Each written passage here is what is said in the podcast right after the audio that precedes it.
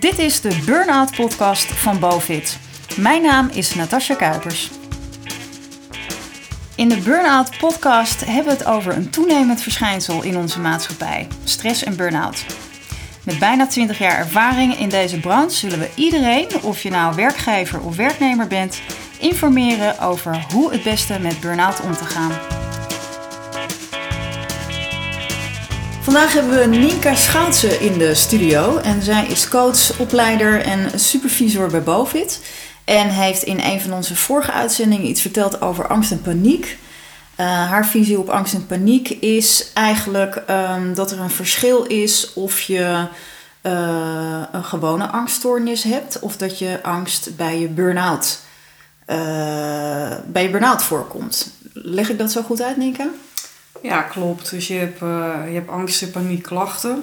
En dat zijn gewoon klachten die voort kunnen komen uit onder andere een burn-out. En je hebt een angst- en paniekstoornis, een gegeneraliseerde angst- en paniekstoornis bijvoorbeeld. En dat is echt een ziektebeeld. Ja, en dat is zonder de burn-out. Ja, dat is ja. zonder de burn-out. Dat, is, dat kan wel een gevolg zijn van angst die ontstaan is in de burn-out. En die okay. uiteindelijk dus niet op tijd begeleid behandeld wordt. Ja. He, dus uh, het een kan uh, uiteindelijk uh, omslaan in het andere. Maar het kan ook zijn dat de oorzaak van de angst heel anders is. Ja. En ja, dat, daar zit dus wel verschil tussen. Ja. Nou, jij gaat ons vandaag wat meer tips geven over hoe je met angst en paniek omgaat tijdens je burn-out. Dus we hebben het niet over de angststoornis. Um, wat zijn eigenlijk de symptomen van angst en paniek? Hoe kan iemand dat herkennen? Uh, nou ja, sowieso mensen krijgen, kunnen paniekaanvallen krijgen. Uh, en dat voelt alsof je uit het niets, uh, ja, je ademhaling ineens, je krijgt het benauwd, je, krijgt zwe je gaat zweten, je wordt duizelig, je kan gaan hyperventileren. sommige mensen ervaren een soort derealisatie, hè, alsof ze hoofd en lichaam scheiden. Uh, alsof je er eigenlijk niet bij bent. Dus hè, je, je, een soort ontvreemding van de situatie als het ware. Ja. Uh, en straatangst, uh, dat is natuurlijk ook een vorm van angst. Ja, nou ja, dat heeft dus te maken met hoe iemand zich op dat moment voelt. Hè? Als mm. jij paniekaanvallen krijgt op straat, ja. ja. dan is dat is natuurlijk heel eng. Ja. Hè? Dus, dan en onveilig, het kan natuurlijk ook onveilig zijn. Ja, het, het, het voelt heel onveilig. ja. En, uh, maar mensen kunnen het in winkels krijgen, in de auto. Ja, uh, ja het kan echt overal. In, feestje, het openbaar ja. vervoer, op een feestje. Ja. He, dus uh, ja, dat is een van, van angstklachten. Nou, daarnaast kunnen mensen last hebben van hun buik. Ze kunnen misselijk zijn. Ze kunnen heel veel gaan piekeren. ze kunnen ja, slecht slapen, heel erg vermoeid zijn. Uh, gespannen spieren, ja, uh, verhoogde hartslag. Uh, ja. ja. bloeddruk kan omhoog gaan. Dus er komen nogal wat klachten ja, kijken bij angst en paniek. En logisch dus dat mensen dan ook ja, eigenlijk bang daarvan worden. Ja. Want, ja, ik kan me ook voorstellen als je hartklachten vrij ernstig zijn, dat je denkt dat je doodgaat, bij wijze van spreken. Ja, nou je ziet ook vaak dat mensen met paniekaanvallen in het ziekenhuis uh, terechtkomen. Oh, ja. hè, dat het zo heftig kan zijn dat mensen denken dat er echt iets fysieks uh, Ja. aan de hand is. En uh, nou ja, dat is er natuurlijk ook wel. Hè, want vaak is er wel een verstoorde hormoonhuishouding. Hmm.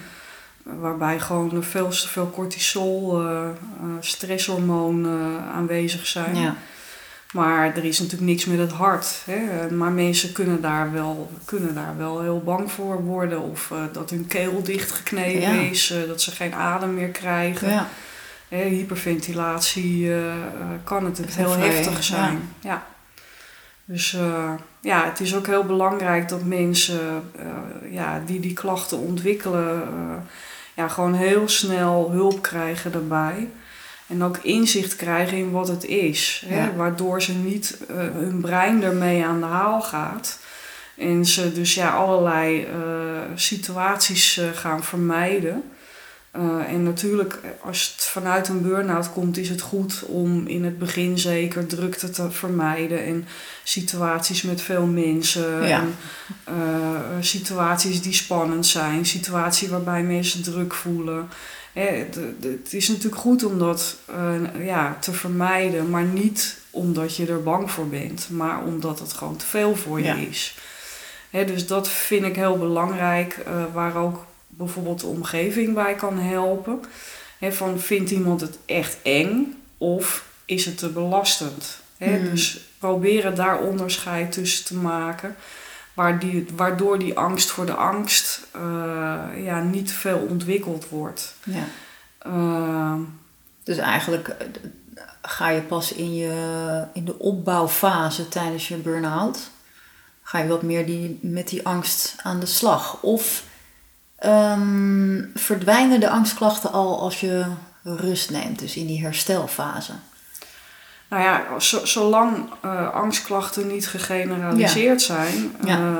kunnen ze dus ook gewoon vanzelf weer verdwijnen. Ja. Doordat je je balans aan het herstellen bent, doordat je die rust neemt, doordat je die innerlijke conflicten aanpakt in jezelf, hè, waar angst ook door kan ontstaan. Uh, doordat je begrijpt wat er in je lichaam gebeurt hè, en je gerustgesteld voelt daardoor. Ja, want dat is met name heel belangrijk. Mensen moeten begrijpen wat het is. Ja. Als er ineens een soldatenkorps door je lijf loopt, ja. omdat je adrenaline te hoog is, dat is natuurlijk een heel eng gevoel. Ja. En vanuit die uh, enge, enge klachten die mensen dan ervaren, kunnen mensen uh, angst en paniek ontwikkelen. Ja.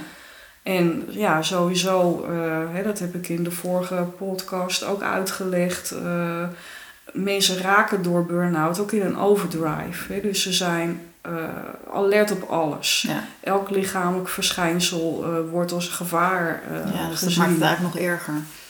Ja, dus, hè, de, dus wat heel belangrijk is, is eigenlijk heel veel fysieke ontspanningselementen. niet die angst centraal stellen, want die Hmm. angst is een gevolg. Hè? Die paniek en die angst is een gevolg. Dus wat nodig is, zeker in het begin, in de herstelfase, is wel even het gesprek daarover. Wat is het? Hè, waardoor mensen zich gerustgesteld voelen dat het dus bij burn-out hoort. Dat het een normale reactie is van het lijf op overbelasting of op uh, te lang buiten jezelf dingen doen, buiten je gevoel. Maar ja, vooral fysiek bezig zijn. Ja. Zorgen dat die ademhaling weer uh, ontspannen wordt. Ja. Uh, bij je buik uh, komt en in plaats van bij je strot. Zorgen dat je, dat je uit je hoofd gaat. Dat je in je lijf gaat.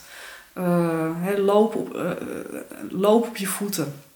He, dus je kunt zeg maar wandelen Ja, in het bos en dan kan je nog eindeloos piekeren in je hoofd. Ah, maar je kunt ook je gedachten naar je voeten brengen en voelen waar loop ik nou eigenlijk op? Loop ik op het zand of loop ik op de grond? Loop ik op het gras? Dus heel bewust eigenlijk. Om je aandacht weer terug te brengen in je lijf. In plaats Nou van in het hoofd alleen maar. Eh, als angst ervoor zorgt dat je in je hoofd gaat zitten, dan gebruik je dus je zintuigen niet meer. Ja, ja. En wat gebeurt er als je je zintuigen onder, ondergebruikt? ja. Dan krijg je dus juist klachten als duizeligheid. Ah ja. Want mensen gaan letterlijk hun gedachten achterna lopen. Ja. Hè, dus als jij in het bos loopt en je bent alleen maar aan het denken en je ziet je omgeving niet meer, ja, dan word je dus alleen maar duizeliger. Want je krijgt een soort tunnelvisie. Ja, ja. Eh, een tunnel, je loopt letterlijk in de tunnel van gedachten. Nou, dan kan je dus uit door juist heel bewust hulp te krijgen dat je die omgeving weer gaat zien ja. en gaat betrekken. En dat in combinatie met oefeningen, ontspanningsoefeningen, ademhalingsoefeningen. Maar ook een stukje eh, ja, hulp bij conditieopbouw. Want eh, als je letterlijk je, je benen, eh, dat is je onderstel, je Mhm. fundering. ja. En als je daar niet meer bent, je zit alleen maar in je hoofd, ja, dan wordt dat ook allemaal onderbelast. Ja. Dus eh, lekker lopen, flink doorstappen. Het kan zelfs zijn dat, dat mensen die dat aankunnen, om te gaan dribbelen, om een, een laagdrempelige vorm van hardlopen in te zetten. Dat zorgt ervoor dat je echt in je lijf komt en dat je je spieren weer gaat voelen op een hele andere manier. ja. En ja, dat in combinatie dus met, eh, ja, met gesprekken, hè, waardoor je ook de oorzaak van de angst gaat aanpakken. Ja, dat, dat, hè, dat, is een, dat helpt, dat werkt. Hè, dat is een hele effectieve methode. Hè, dus enerzijds weten wat er gebeurt in je lijf bij angst. Uh, anderzijds uh, leren waardoor de angst is ontstaan. Welke innerlijke conflicten zijn er? Welke druk ervaren mensen vanuit zichzelf en omgeving? En hoe kunnen ze daarmee omgaan? En anderzijds dus uh, op conditie komen, goed in je lijf zitten, minder moeten uit het hoofd.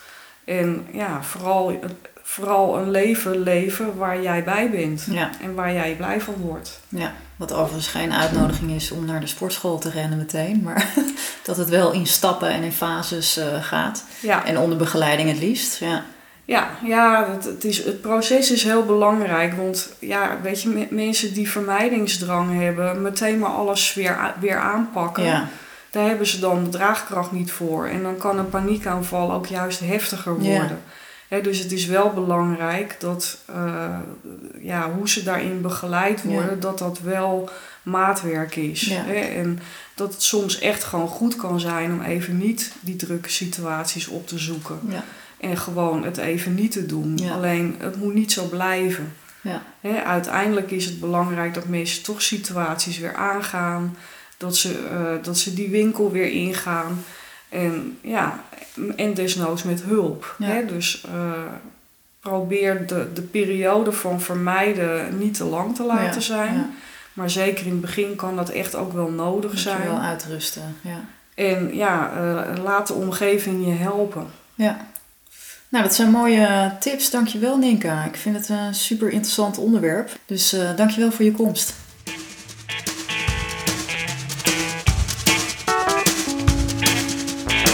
Dank je voor het luisteren naar de Burnout Podcast. Wil je meer lezen over stress en burn-out? Kijk dan op onze website www.bovit.nl. Hier vind je blogs, nieuws en ervaringen van mensen die een burn-out hebben gehad en zijn hersteld. Heb jij genoten van deze aflevering? We zouden het heel erg waarderen als je onze podcast aan anderen aanraadt en of een review geeft. Tot de volgende Burnout Podcast.